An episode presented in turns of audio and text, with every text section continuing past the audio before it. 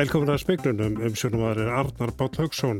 Sóttannalæknir er býst við metingi millir starfstjeta um hver fær forganga bólefni.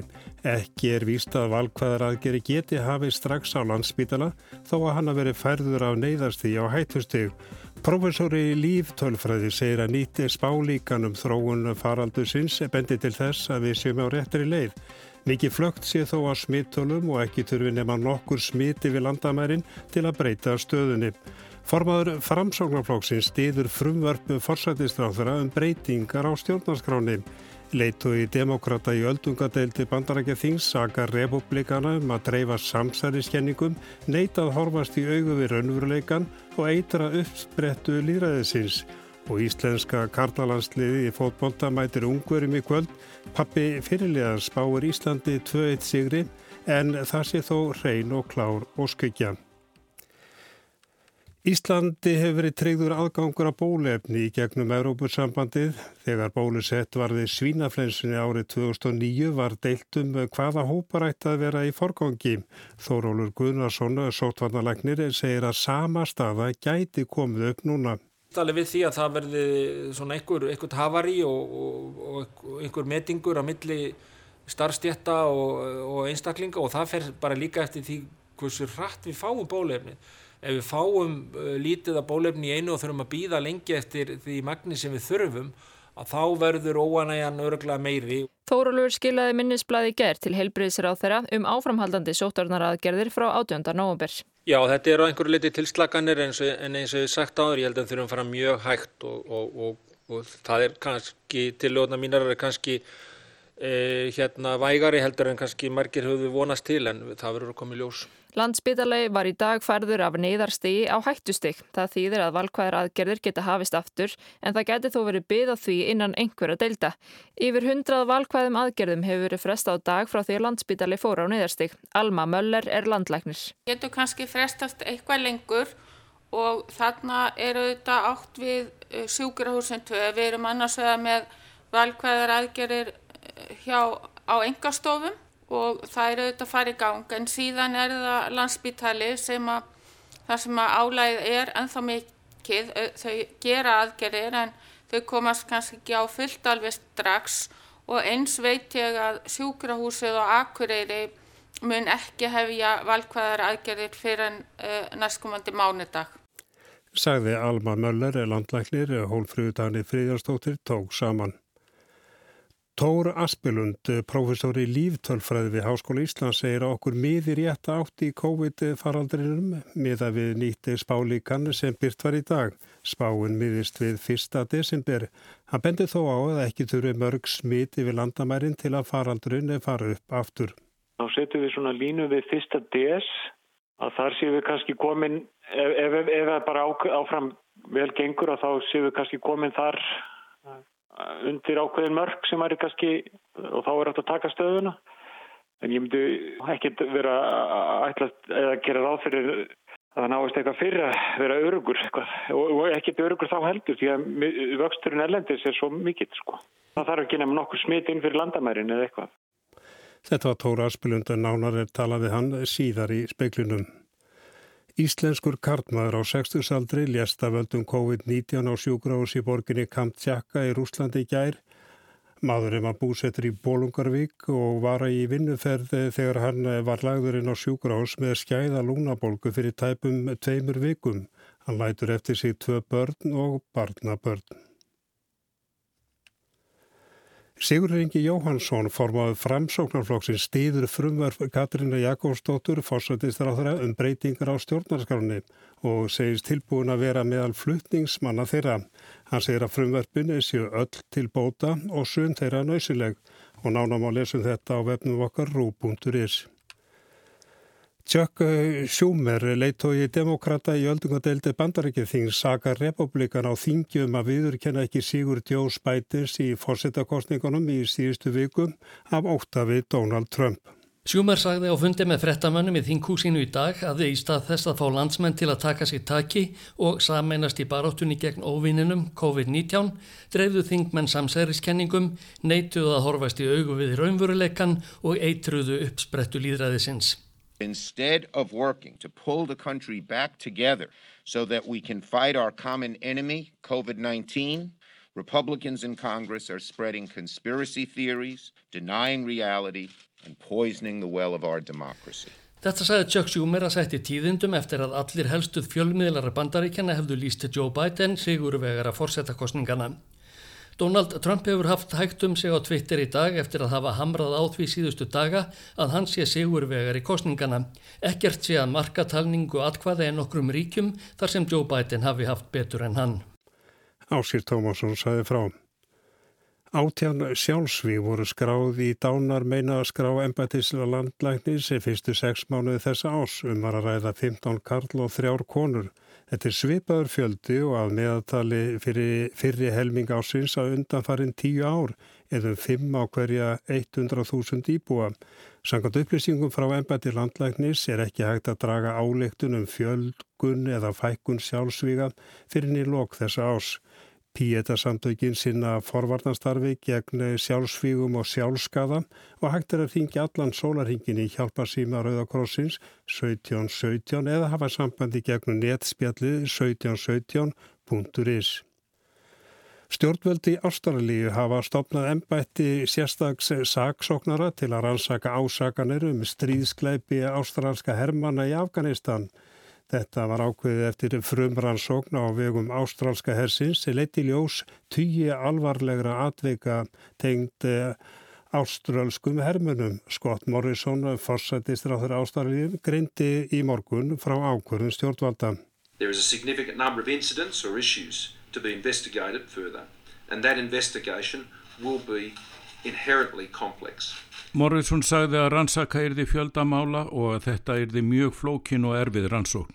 Fá yrði gögn víða að. Yfir 26.000 ástrálskir hermenn tóku þátt í hernaðunum í Afganistan frá því bandaríkjaman og bandamenn þeirra réðust inn í landi síla ást 2001 og þanga til stjórnveldi Canberra kölluði liðsitt heim árið 2013.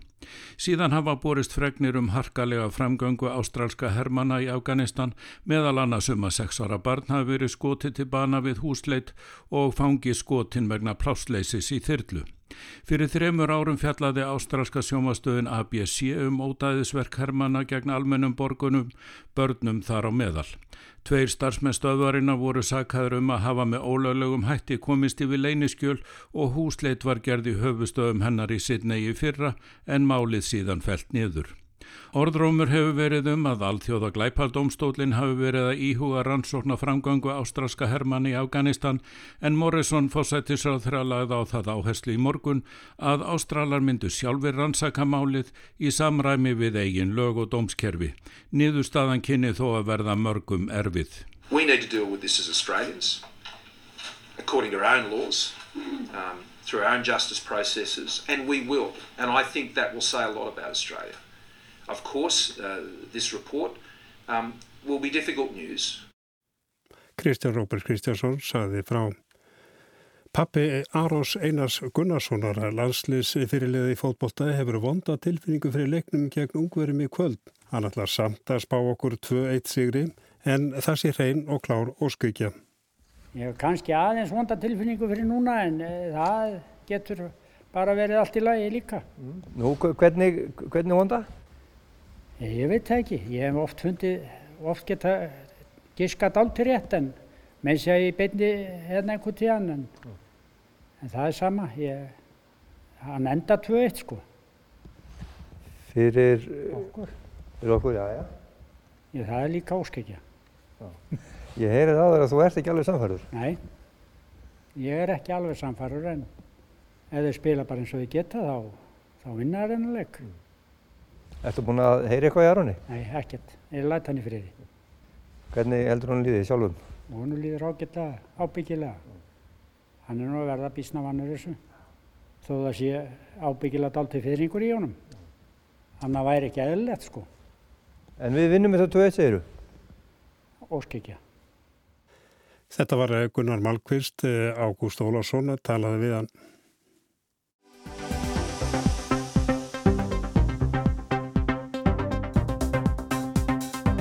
Ströngustu sótvarnatakmarkanir í sögu landsins sem tóku gildi 31. oktober gilda til miðnættis á sunnudaginn. Tíu manna fjöldatakmörk hefur verið megin reglan, íþróttir er ekki leiðar og ekki heldur sviðslistir. Líkarstræktastöðar eru lokaður og sömulegði sundlugar, hársnirtistofur, snirtistofur, krár, skemmtistæðir, spilasalir og spilakassar, svo eitthvað sé nefnt. Veitingarstaðir með veitingarleifi meiga á opið til klukkan nýja á kvöldin og skildar að setja upp grímu þar sem ekki er hægt að tryggja tveggja metra fjarlag. Á upplýsingafundi almannavarna í dag kom fram að Þórólur Gunnarsson sótvarnalæknir hefur skilað heilbreyðistur á þeirra minnisblæði um tilugur um breytingar á sótvarnareglánum sem nú eru í gildi. Hann sagði að vísbendingar væru í ljósi smita síðustu dagan að kurva samfélagsmita sé á niðurleið. Einni varu gleði fréttir af þróun bóluefna. Ég held að það sé því fyrst núna að mínum mati sem við getum raunverulega farið að eiga til lands hvað varðar bólusetningu gegn COVID-19 þó að margar niðurstöður eigi eftir að koma út úr rannsóknum á, á þessum, öllum þessum bóluefnum sem að hugsalega gætu setja eitthvað stryk í reikningin. Þórólur vænti þess að bólusetningar geti hafist hér á fyrirluta næsta ás. Mikilvægt væri að haldið yrði áfram með þær aðgerið sem eru í gangi til að halda niður í faraldrinum þar til bólusetning hefst. Ég tel því mikilvægt að við förum hægt í aflétta, uh, í allar afléttingar á næstunni til, til þess að svo megi verða. Nú, ég hef skila mínum tillögum til ráðherra um afléttingar frá og með 18.11. og eru þær uh, nú til skoðunar uh, hjá ráðherra og, og stjórnvöldum. Ég tel því ekki viðeigandi að ræða einstakar uh, tillögur sem, að, sem að ég hef komið fram með og rétt að býða ákvarðunar ráðara þar um. En meira vildi Þorvaldur ekki segja um tillögurnar en með orð hans er ekki þess að vænta að létt verið mikið á þeim ströngureglum sem nú er í gildi. En hvað segir spálíkanið um þrókun faraldusins sem að kynnt í dag? Tór Aspelundu, professorur tölfræði og samstagsfólk hans hafa setið og regnað. Spáin lítur út þannig að þetta er að stefni rétt átt en það er búið vera þetta flögt í tölunum þannig að það er ennþá þessi óvisa með að við getum uh, sagt að eins og kallega smittstöðul sé öruglega undir einum og þá er ekki hægt að vera örugur með að það fari ekki á fljög aftur. En uh, þegar þú talar um smittstöðulinn, já hvernig lítur hann út? Er hann ennþá yfir einum? Nei, hann matið er reyndar undir einum. En það er eitthvað líkindabil sem fylgir og svona endur speklar óvissuna og efrimörkin á því eru ennþá vel yfir einum og það kannski endur speklast bara í flöktun í tölunum sko þannig að Hver er skýringin á þessu flöktun? Það er þessi, þessi sko eins og búið að tala um þessi svona hópsmitt þannig að það er eins og, og litli klasar þannig að það er eins og, eins og ég skilja þannig að, að, og kemur kannski fram í tölunum að það sé að nást einhver svona nokkru einstaklingar að smita marga út frá sér. En þegar þú tekur svona meðaltali þá er við, er hann í rénum? Já, já, og það er endar, kannski aðeins eitthvað sem að fara að fara, ég meina það er ekkit á mörgum stöðum í kringum okkur.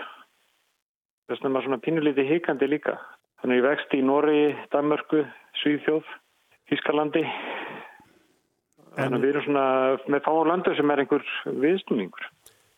En ef svona miðaði bestu spá, e, e, náðu þess á nýður á hvað mörgum vikum? Við setjum núna fram í dag þegar við byrtum, þá setjum við svona línu við fyrsta DS að þar séum við kannski komin, ef, ef, ef það bara á, áfram vel gengur að þá séum við kannski komin þar undir ákveðin mörg sem er kannski, og þá er þetta að taka stöðuna. En ég myndi bara, já, ekkert vera ætlast eða gera ráð fyrir að það náist eitthvað fyrir að vera örugur eitthvað. og ekkert örugur þá heldur því að vöxturinn erlendis er svo mikill sko. Það þarf ekki nefn nokkur smit inn fyrir landamærin eða eitthvað, það gerist. En miðið þið við ykkar spá uh, við svipar að svipaða sóttvarnareglur gildi áfram? Já, reyndar. Sko. Við erum að gera ráð fyrir að, að smittstöðlinn haldist bara á svipuðum slóðum og hann er núna og við erum að meta hann í kringum sko 0,4 þannig að þannig þetta, það mat er þetta undir einum sko þannig að við erum svona miða við að, að þetta haldist svoleiðis áfram að lækja, við erum, við erum þannig að spána okkar í jafnvel eitthvað svart sín við erum ekki að segja að við ætlum að sunga einna niður eins og í, í miðan apríl eða fyrir lók mæ eins og í fyrstu bylgi En getur við sagt að þessi bylgja núna í haust að hún sé bara allt öðruvísi en fyrsta bylgjan? Já, hún er nein, öðruvísi, það er þessi, þessi útskot, þessi hópsmitt sem hafa gert okkur erfitt fyrir. En, en svo kemur á móti að ef maður skoðar þetta þannig að það er náðust utanum þau einhverju leiti eins og talaður um og þá kannski, jú, bylgjan eru lengri fyrir vikið en, en, en svona kannski þegar við getum skoðað þetta í baksinnspeglunum og þá kannski sjáum við margt svipað samt. Þetta var Tór Aspilund.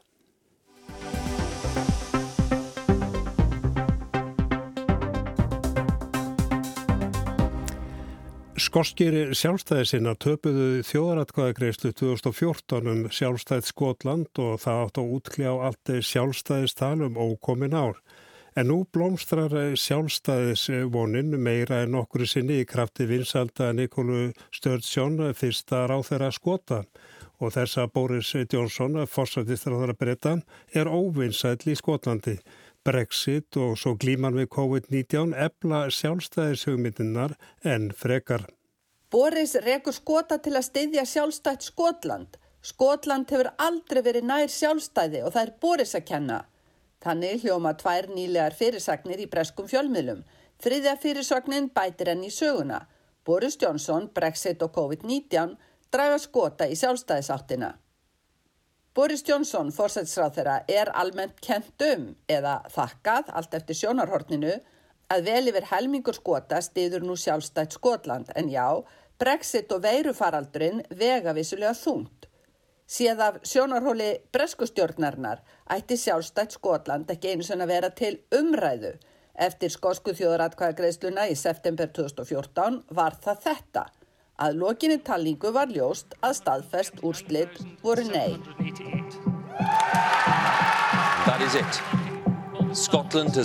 No. Skotar hafðu hafnað sjálfstæði. Í áarpi daginn eftir rifjaði David Cameron fórsætsráðra upp aðdrandan sjálfstæði sett á oddin þegar skoski þjóðaflokkurinn náði meiri hluta í skosku þínkostningunum 2011. Cameron nýtti á að vissulega hefði bresku ríkistjórninni verði í lofa lægið að hafna öllum óskum um þjóðratkvæði en það hefði verið ránt. Let us also remember why it was right to ask the definitive question, yes or no.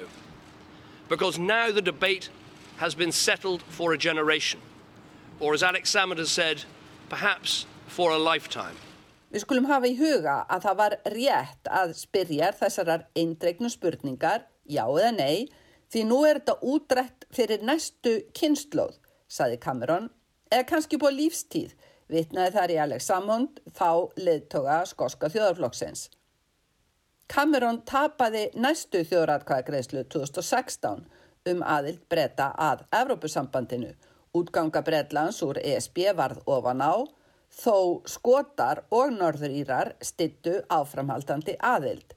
Síðan þá hefur Brexit verið málmálana í breskum stjórnmálum og þá einni í bresku þínkostningunum í desember. With this election I think we've put an end to all those miserable threats of a second referendum. Með þessum úrslitum höfum við jarðað allar þessar ömurlegu hótanir um aðra þjóðratkvæðagreðslu, sagði Boris Johnson, fórsætsráð þeirra og átti þá við viðvarandi óskir um aðra þjóðratkvæðagreðslu um ESB aðild. Johnson vann öflugan þingmeir hluta í desemberkostningunum en þó ekki Skotlandi. Þar norður frá var annar sigurvegari á öðru máli. Nikola Sturgeon, leiðtói skoska þjóðarflokksins, vann líka glæsilegan kostningasigur og sæði þá alveg ljóst að skotar vildu áframhaldandi ESB aðild. It is time for Boris Johnson to start listening. He has a mandate for Brexit in England, but he has no mandate whatsoever to take Scotland out of the European Union. Nú er þið Johnson að hlusta, hann hefði umboð í Englandi fyrir Brexit en alls ekkert umboð til að leiða skota úr ESB, saði Sturgeon. Skotar og skoska þingið þyrtu kvorki að byggja Johnson nýja aðra bereska stjórnmálamenn um eitt nýja neitt, heldur ættu sjálfur að nýta sér sinn líðræðslega rétt til að ákveða eigin framtíð þá einnum sjálfstæði, smá kveðja til fórsætsráð þeirra. This is not simply a demand that I or the SNP are making. It is the right of the people of Scotland. And you, as the leader of a defeated party in Scotland, have no right to stand in the way. Þetta er ekki aðeins mín krafa eða krafa skoska þjóðarflokksins heldur er það réttur skota og þú sem leiðtogi Sigraðs flokks í Skotlandi hefur ekkert leifi til að hindra það, sagði Sturgeon anþess að nefna þó fullum fetum sjálfstæðis þjóðaratkvæði. Í desember dætt engum í hugað á komandi ári erðu breskir stjórnmálaleðtogar ekki lengur aðeins metnir út frá Brexit heldur glímu við óvandan veirufaraldur. Landslutarnir fjórir, England, Wales, Skotland og Norðrýrland hafa farið sínar leiðir sem hefur ítt undir sjálfsvitund svæðana. Veiran hefur farið ítla með skota en samþykir Nikola Sturgeon hafa staðið sig vel. Boris Johnson þykir hafa höndlað faraldurinn illa, veiran því rústað vinsaldum hans. Í sumar gerði fórsætsráður að smá tilraun til að ná talsabandi við skota, fórum Eyjar og Annes, var myndar með risakrappa og nýtti á að í veiruvandanum hefði komið í ljós geta hins ofinbera til að standa undir launum fólks, herin aðstóðað við skimun og rakningu.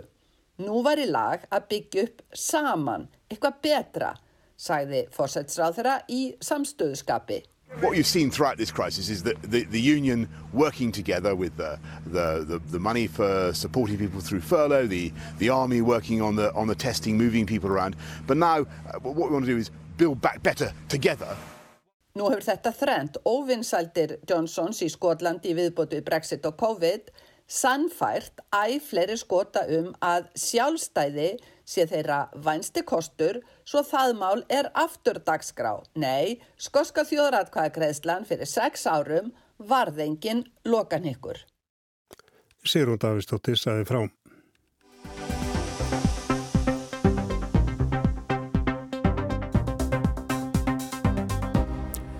Óvisa um námslokk er eina af ástæðum þess að nám freistar ekki eins og bóknám, segir Hildur Ingvarsdóttir skólastjóri Takniskólans. Erfitt getur einst að komast á samning hjá meistara og kynning á innnámi og grunnskóla mætti vera betri og ECD hefur ráðlagt íslensku stjórnvöldum að einfalda regluverki kringum innám og tekur Hildur undir að endur skoða mætti margt en gæta þess jáframt að ekki verið slegið af kröfum. Sko ég held að yðnám á Íslandi séu margt í góðu standi. Ég held að við séum að menta við í samfunnu við atvinnulífið. Alveg frábæra yðnamenn og yðnar konur um að, hérna þannig alltaf tala um yðnar menn en, en konur eru líka menn. Ég held hins vegar að við vildum sjá fleiri í yðnámi, við vildum sjá fleiri yðnmentaða og til þess að svo verði þá þurft að gera ákveðna breytingar til þess að bara kerfið í heildar áði við það að menta fleiri. Hvaða breytingar eru það? Við þyrtum að geta tryggt nefndum námslokk. Þannig að nefndi sem að kemur hingað inn í skólan og kemst á annar borð inn og við viljum náttúrulega taka sem flesta til þess að læra til dæmis rafverkjun að hann viti það ef að hann sinni sínu námi vel allan tíman að þá er hann búin eftir ákveðin tíma. Margir geti í dag verið búin eftir ákveðin tíma en það er ekki vissa fyrir því vegna þess að þú þarfst að komast á samning og það getur verið misauðvelt að komast eða miservitt að komast á samning og það er náttúrulega partur í því hvenar þú mátt svo þreita sögnspróf til þess að fá þín réttindi. Hvers vegna er erfitt að komast á samning? Það fer náttúrulega heilmikið eftir bæði fjöldanema sem þurfa að komast á samning og svo er það náttúrulega líka að fer það bara eftir atvinna ástandinu hverju sinni og atvinna ástandinu í viðkomandi grein. Hvort það er vöndun á nemum, hvort það er vöndun á vinnuafli eða hvort að ástandi er þannig að það er ekki rými til þess að taka nema nógu marga á þeim tíma. Það hefur gengið ágætlega sem undanfærin 2-3 ár. Ég menna efnahags ástandið og atvinnlífið hefur bara blómstrað og í flestum greinum, ekki öllum, hefur bara gengið vel fyrir nefndur að komast á samning. En nú spyr maður sig hvað gerist á næsta ári til dæmis og þar næsta ef við erum að fara inn í heldur svartari tíma. Þetta kannski vekur út þá spurningu, er þetta rétt að leiðin að þurfa að komast á samning? Þetta mistarakerfi, er það óskeikvild? Er það eina kerfi sem hugsanlegt er? Ég vil byrja því að segja að ég held að meistarar, það er frábært að vera með meistara á Íslandi og meistara gegna og, og bara hæfir inna menn og vel mentaðir og, og með mikla reynslu gegna bara miklu og góður hlutverki í mentun okkar innar manna. Um, hins vegar kerfið sem slíkt að til þess að eiga möguleika á að þreita sveinspróf og til þess að eiga þá möguleika á að fá réttindi að þá verður að fá einhvern til þess að ráða því í vinnu í ár eða eitt og halvt ár, tvö, jafnvel tvö og halvt ár og hann það þá greiði laun allan tíman að það er náttúrulega ákveðin fyrirstaða og það fyrir eftir atvinnulífinu hverju sinn og eftir greininni hvort það er svigrum til þess. Og við erum með nefendur ef við tökum bara sem dæmi í gullsmíði sem að væri bara tilbúinir að fá að koma út á gullsmíða verstaði og fá að taka bara sína þjálfun, þessa starfstjálfun ekki til þess að fá greitt fyrir það. En það má ekki samkvæmt regluverkinu. Og þessu þarf að breyta við eigum að vera áfram með samningsleiðina, ekki nokkur spurning, það hendar mjörgum mjög vel, en við þurfum líka að hafa mögulegan á því að nefandi geti klárað þó svo að hann komist ekki á samning og hann geti þá klárað á annan hátt. Og að þetta sé metið á hefni, ekki endilega einhverjum vikufjölda, bara hvað það að kunna og hverju það að vera orðin góður í. Og það sé lagt mat á það til þess að meta hvernig þú mátt klára. En þessi þröskuldur að þurfa að komast á samning, hamlar það því að ungd fólk fer í yðnám? Nú veit ég ekki hvort það hafa kannski verið gerðar formlega einhverja kannanar því en það eiginlega hlýtur að einhver leiti að hamla. Ef þú ferð bóknámsleiðina sem svo margir fara að þá veistu nú nokkur veginn að ef ég sinni þessu vel að þá er ég búinn eftir þrjú ár eða þrjú og halvt ár eða fjögur eftir hvað ég tekja þetta rætt en þú ert einhvern veginn í umgjör skólans allan tíman, skólinn passar upp á þig en í innáminu þá kemur þú inn og þú byrjar og svo eftir einhvern ákveðin tíma jafnvel, þá ferðu út á samning og meðan þú ert á samning þá ert ekki í skólanum, yfirleitt ekki. Og þá missir skólinn tenginguna við þig og svo er það spurning hvernig þú skilar þér inn aftur. Þannig að ég held að ég sem foreldri mér þætti físilegra að barni mitt sem var í 16 ára gæti farið inn í svona fasta og góða umgjörð en ekki inn í þá óvissu sem mögulega fylgir fyrir suma Og þetta getur verið einn ástæðan fyrir því að ungt fólk velur frekar bóknámsskóla? Ég held að þetta geta alveg verið einn af ástæðanum. Ástæðanar eru náttúrulega mjög margar en á sama tíma getur það verið rosalega físilegt að geta farið í nám og einmitt farið á samning og verið komið með tekjur snemma þannig að það er önnur hlið á þessu líka. En ég held að út af því að við erum alltaf að reyna að auka það að krakkar komi inn bara 16 ára til okkar. Að þau komi beint til okkar og velji beint að komi í innám við myndum vilja að námi væri á hendi skólan allan tíma en í mjög góðu samstarfi við atvinnlifu og með góðri og virkri þáttöku þá meistarana sem er að vinna út á markaðir og bara atvinnlýsis yfir höfuð. En þetta segja að mentastefnan sé ekki alveg góð rétt? Sko ég held á endanum, nú veit ég ekki með per se stefnu, sko það hafa allir áhuga. Ég upplifi hvergi, ég hef ekki hitt hann mann eða konu sem segja að vegur yðnáms ætti að vera minni. Það vita allir að þessu en það þarf samt þá að breyta hlutunum á leiðinni. Það verður að gera einhverja breytingar til þess að þau fái þessa kynningu og hún þarf að vera ekki bara í kynningu að vera sagt frá hlutunum. Þú þarf að fá að prófa, þú þarf að fá að finna þína styrkleika. Við veljum oft eitthvað sem við erum góð í og þú kemur kannski út úr tíundabæk og þú veist að þú ert mjög góður í starfræði. En ég veit ekki hvort þú hafi nokkra hugmyndum það hvort þú sért virkilega góður í að smíða eða mögulega sjóða eða og svo frammeins vegna þess að það er kannski bara allt í land sem þú gerðir eitthvað af því. Eða þú er náttúrulega aldrei sóðið svo dæmið sér tekið. Sæði Hildur Ingvarsdóttir, skólastjóri Tækniskólans í samtali við Kristján Sigurjásson en uh, það var meðal annars sagt frá því speiklunum að sótvarnalæknir býst við metingi milli starfsteta um hver fær forganga bólefni ekki er vísta að valkvæðar aðgeri geti hafið strax á landsbyðdala þó að hann hafi verið færður af neyðasti á hættustig. Professori líftölfræði segir að nýtt spálíkan um þróun faraldusins bendi til þess að við séum á réttri leið. Mikið flögt sé þó á smittölum og ekki þurfi nema nokkur smiti við landamæri til að breyta stöðunum. Og formaður framsáknarflokksins stiður frumvörp forsætistráþarann um breytingar á stjórnarskráni.